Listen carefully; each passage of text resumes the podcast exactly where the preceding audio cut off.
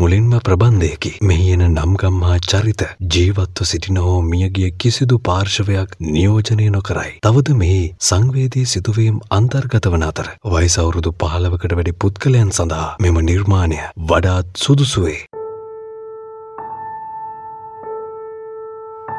Mr. Sandman, bring me a dream.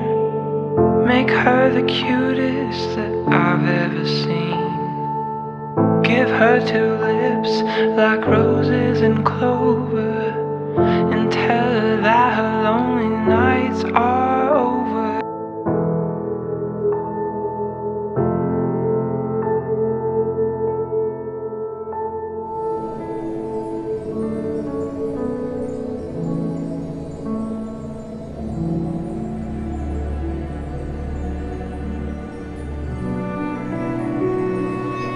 එදාමට ගෙදර යන්න ඕනේ හිස් අතින්.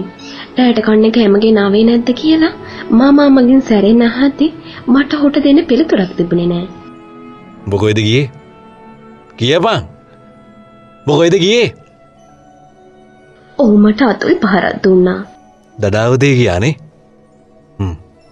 පලයන් කාමරයට පලයන්න කිව කාමරයට මෙගත්තාගනි තොට අදරෑට කන්න කෑම නෑ එච්චරයි. දැන් පලයා මම කමුලට අත තියාගෙන වේදනාවෙන් අඩාඩ කාමරයට යන අතරේ ගේ සීනුව නාද වුනේ අමුත් එක්ක ඇවිල්ලා කියන අඟවමින්. ආ කවුද මේ වෙලාවේ? මතින් සප්පායම් වෙලා හිටිය මාමා මහා හයියෙන් කෑ ගහගෙන ගේ දොර ළඟට ඇවිදන් ගිහින් දොර ඇරියා. මේ මේරි මෙනවියගේ ගෙදරද? කාගෙදෝ මුජු කටහඬක් මට ඇහුණ මේ එක්කම මොහොතක් නොගිහින් මම අඳුනගත්තා ඒ කටහඬේ අයිතිකාරය කවුද කියලා. ඒ අර මිනිහා ඒ මිනිහ මගේ පස්සෙන් ඇවිදින්. මම ඉක්මනට ප්‍රධාන දොර සේනමානයට ඇවිත් හොරාට බලාගෙන හිටියා. මාමා නිසා මට අමුත්තාව පෙනුනේ නැහැ. ඈ මොකද මේරි මනවිය මාමා එකම හඬින් හිනා වුණා. මෙහෙ ඇති මෙනවියෙක් නෑ තමුසර වැරදිලා. මේ ඇගේ නිවසම විය යුතුයි. මට වරදින්න විදියක් නෑ. මේ අයිසේ දැන් තමුසර කිව්වන මෙහ ඇති මෙනවියෙක් නෑ කියලා? මේවා මේරි මෙනවියගේ. මේ වැයට දෙන්න. ඔහු අදහස් කරන්න ඇත්තේ මගේ අතින් එතැරුණු මළු දෙක වෙන්න ඕන. මම සිතුවා. මෙතනින් යනව යන්න. එක පාරක් කිව්වාම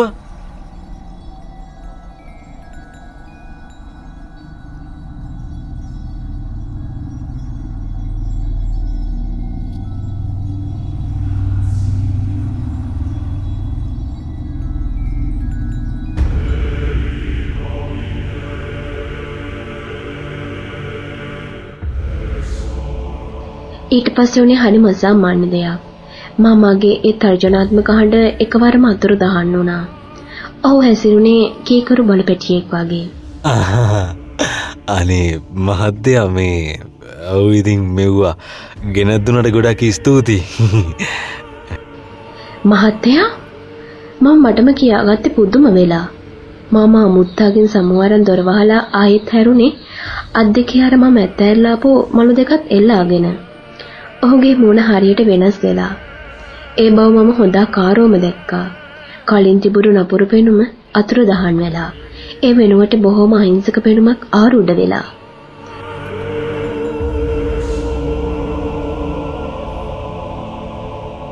කවුද ජෝන්නේ?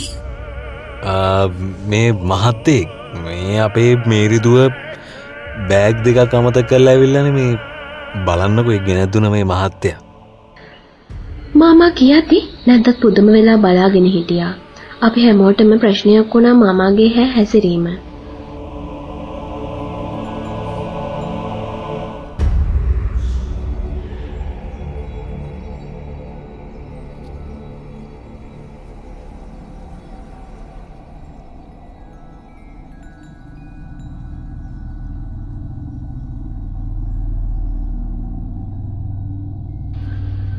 එදා රෑ නින්දට යන කලින් මම කල්පනා කළේ ඒ අද්භූත සිදුවීම ගැනයි. රෑ හීනමුත් මට මැවිල පෙනුනේ ඒ සිත් වසඟ කරවන අර අමුත්තාගේ සිනහව පමණයි. පහවදා උදේම අවදි වෙලා දිනේ වැඩ පටන් ගන්න කලින් මම ගියේ ලියුම් පෙට්ටිය ළඟට. ඒක සාමාන්‍යමගේ පුරුද්දක්. පෙට්ටියේ තිබුණ ලියුම් එකින් එක අතට අරන් බලද්දි මට හමු වුණා ඉතා ආකර්ශනීය වර්ණයක් තිබුණ ලියුම් කවරයක්. පුදුම වැඩේ කියන්නේ ඒක එවල තිබුණේ මගේ නමට.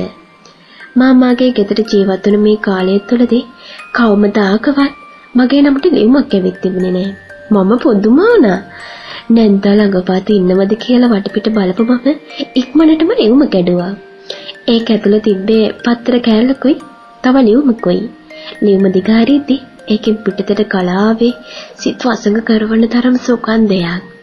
ඒ සුගන්ධයෙන් මම මත් වී කියා කිව්වොත් නිවැරදි. මට හරියට ඒ ලියුම තියුණු දේවල් නම් මතක නෑ මහත්මයා. ඒත් ඒකේ තිබුණේ මේ වගේ දෙයක්. මේරී මෙනවිය වෙත. ඔබගේ කාරුණික ඉල්ලීම අනුව අප විසින් තීරණය කරා ඔබව අපගේ මැදුරේ රාජකාරී සඳහා තෝරා ගැනීමට. ඔබට මැදුරේ නවාතන් ගත හැකි අතර ආහාර පාන සියල්ලද නොමිලේ ලැබෙනු ඇත.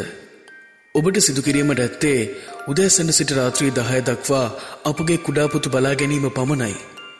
ඒ සඳහා අප සැලකීතු තරම ඉහළ මුදලක් ගෙවීමට කැමැත්තෙමු. මේ ලිපි ඔබට ලැබෙන දින සවස හයට අපගේ සේවකයෙකු විසින් ඔබව කැඳවා ගැනීම සඳහා ඔබගේ නිවසසලට පැමිණෙනු ඇත. තීරණය ඔබට බාරයි. මීට මෝගන් සිටතුමා වෙස්ලි මැදුර. ඒ දුටු සැනීම මට එකවරටම හැඟුණේ එහි යා යුතුම කියයි. මට තවම සිතාගන්න බැරුව ඉන්නේ මම එදා ඒ වගේ තීරණයක් ගත්තේ කොහොමද කියලා. නාදුනන තැනකට යන්න එදා කෙසේ සිතන්නද කියලා. ඔබට වැටහෙනවා ඇති මගේ මේ කතන්දරය මොනතරම් අද්භූතද කියලා. එදා හවස මගේ ළඟ තිබුණ අලංකාර ලොම්කබායෙන් සැරසිලා නිවස ඉදිරියේ රැඳී සිටියා. මගේ අත්වරලොස්සේ වෙලාව 6යි කියලා සටහන් වෙද්දිම මම දැක්කේ අඳුරු මාවත ආලෝකමත් කරමින් පැමිණෙන වාහනයක ලාම්පු එළියක්. ඒ ලිපිය දක්වා තිබුණු අදාළ සේවකයා විය යුතුයි මම සිතුවා. මම සිතූ පරිදිම මගේ ආසන්නයට පැමිණිලා ඒ කළුපැහැ මයිනර් රථයක් නැවැත්තුවා. එහි රියදුරු ආසනයේ සිටි එදා මා හමු අද්භූත තරුණයයි. ඔහු කළුපැහැ ඇඳුමකින් සහ පරණ කාලයේ කළු තොප්පියක් වැළඳ සිටියා. රථයේ පිටුපස දොර විවර කරලා දුන්නා. ඔහු මා වෙතට පෙරදාම්ෙන් සිනහවක් පෑවා. මේරි මෙනවිය නගින්න ස්තුතියි. මම මයිනර් රථයට ගොඩ වුණා නෙවෙයි යමුක විසින් මාව ගොඩ කළා වගේ මට හැඟුණේ.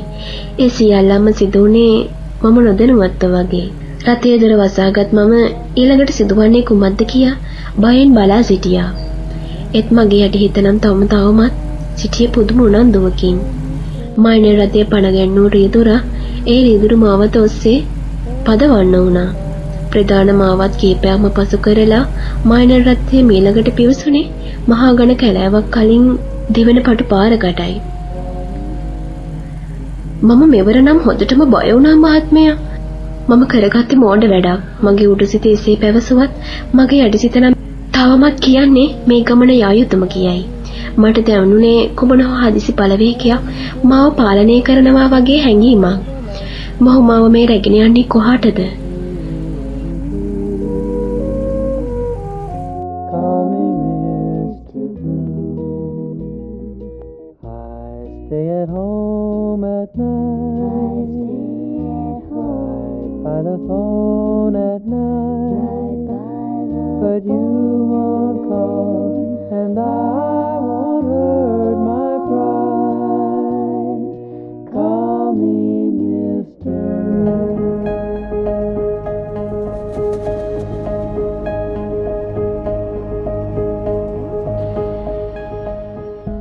මම රේතුරා සමග කතා කිරීමේ අරමුණින් රථයේ ඉදිරිපස කණ්ණාඩියේ දිහාවට නෙත් යොමු කළා.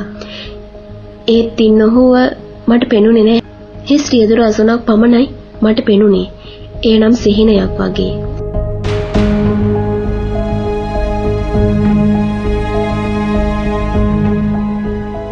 මහත්මයා අපි මේ කොහාටද යන්නේ? මම ඇහුවේ දෙගිඩියාවෙන්.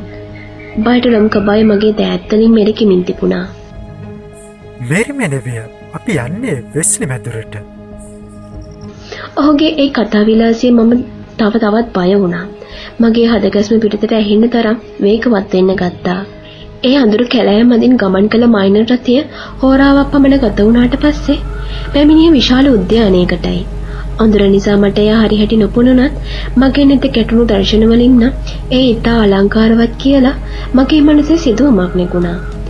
පහන් කණු අත්තරින් වැටුණු ගල් ඇතිරු මාවතක් ඔස්සේ පැමිණි රථය මීලකට නැවැත්වූයේ සුවිසල් මැදුරක් ඉදිරියෙනි. මේරි මෙනවිය අපි පැමිණියා. මේරි මෙනවිය පැමිණෙන්න. මයින රථය දොර ඉවර කළ මම ඉන් පිටතට පැමිණියා. එය ඇත්තෙම ඉතාමත් අලංකාර මන්දිරයක්. මගේ දැස් ඉදිරිය සටහන් වූයේ දර්ශනය මා පුදුම කිරීමට සමත් වුණා. පැරණි ගෘහ නිර්මාණ ශිල්ප ක්‍රම ඇසුරෙන් ගොඩනගා තිබුණ මෙම මැදුර වසර සිය ගණනක් පැරණි ඇති.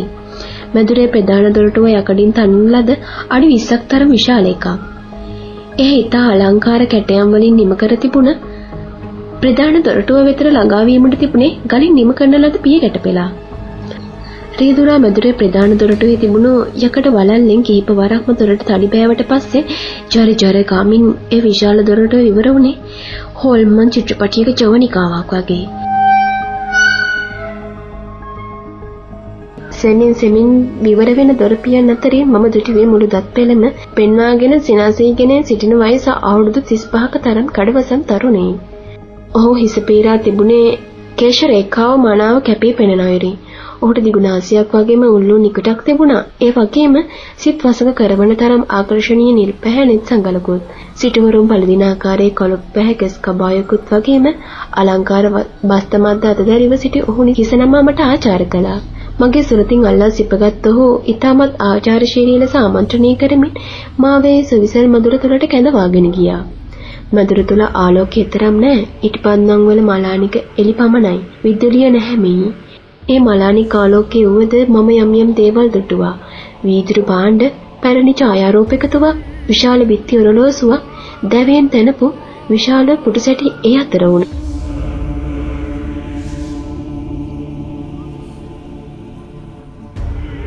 වීනස් වීනස් ඇය ඇවිදින් ඇය ඇවිදින් වීනස් ඇය ඇවිදින් මේරිමෙනවිය ඔබ බොහෝම රූමත් තරුණයක්නේ මෝහන් සිටතුමා කාවදේ ලෙස අමතනු ලැබුව ඉතාම සතුටින්. ඔහුගේ ගැඹුරු කටහඬ මැදුර පුරා රැව්පිරිරව් දෙනවත් දැවයෙන් තැනූ පුටු සැටියකට වී කුඩා දරුවෙකු සුරතල් කරමින් සිටි රූමත් තරුණිය සිටතුමාගේ කටහඬ ඇසී මාදිසා හිස ඔසවා බැලුවා. ඒ මාව දුටිසැනින් මුහුණ පුරා සිනහ රැල්ලක් මවාගෙන ඉක්මනින් මගේ ළඟට තුවගෙන ආවා. ඇය ඇත්තෙම ඉටි පිළිමයක් වගේ. ඇගේ සමේ තරමටම පැහැපත්. ඇයට කඩා හැලෙන කළු කෙස් කලබක් තිබුණා. ඒ වගේම නාදළුවල් රතට ශෘංගාරමත් සිනහවක් පිරිපුන් නැමදකුත් ඇගේ නිල්වන් නෙතසඟල බොහොම තියුණුයි.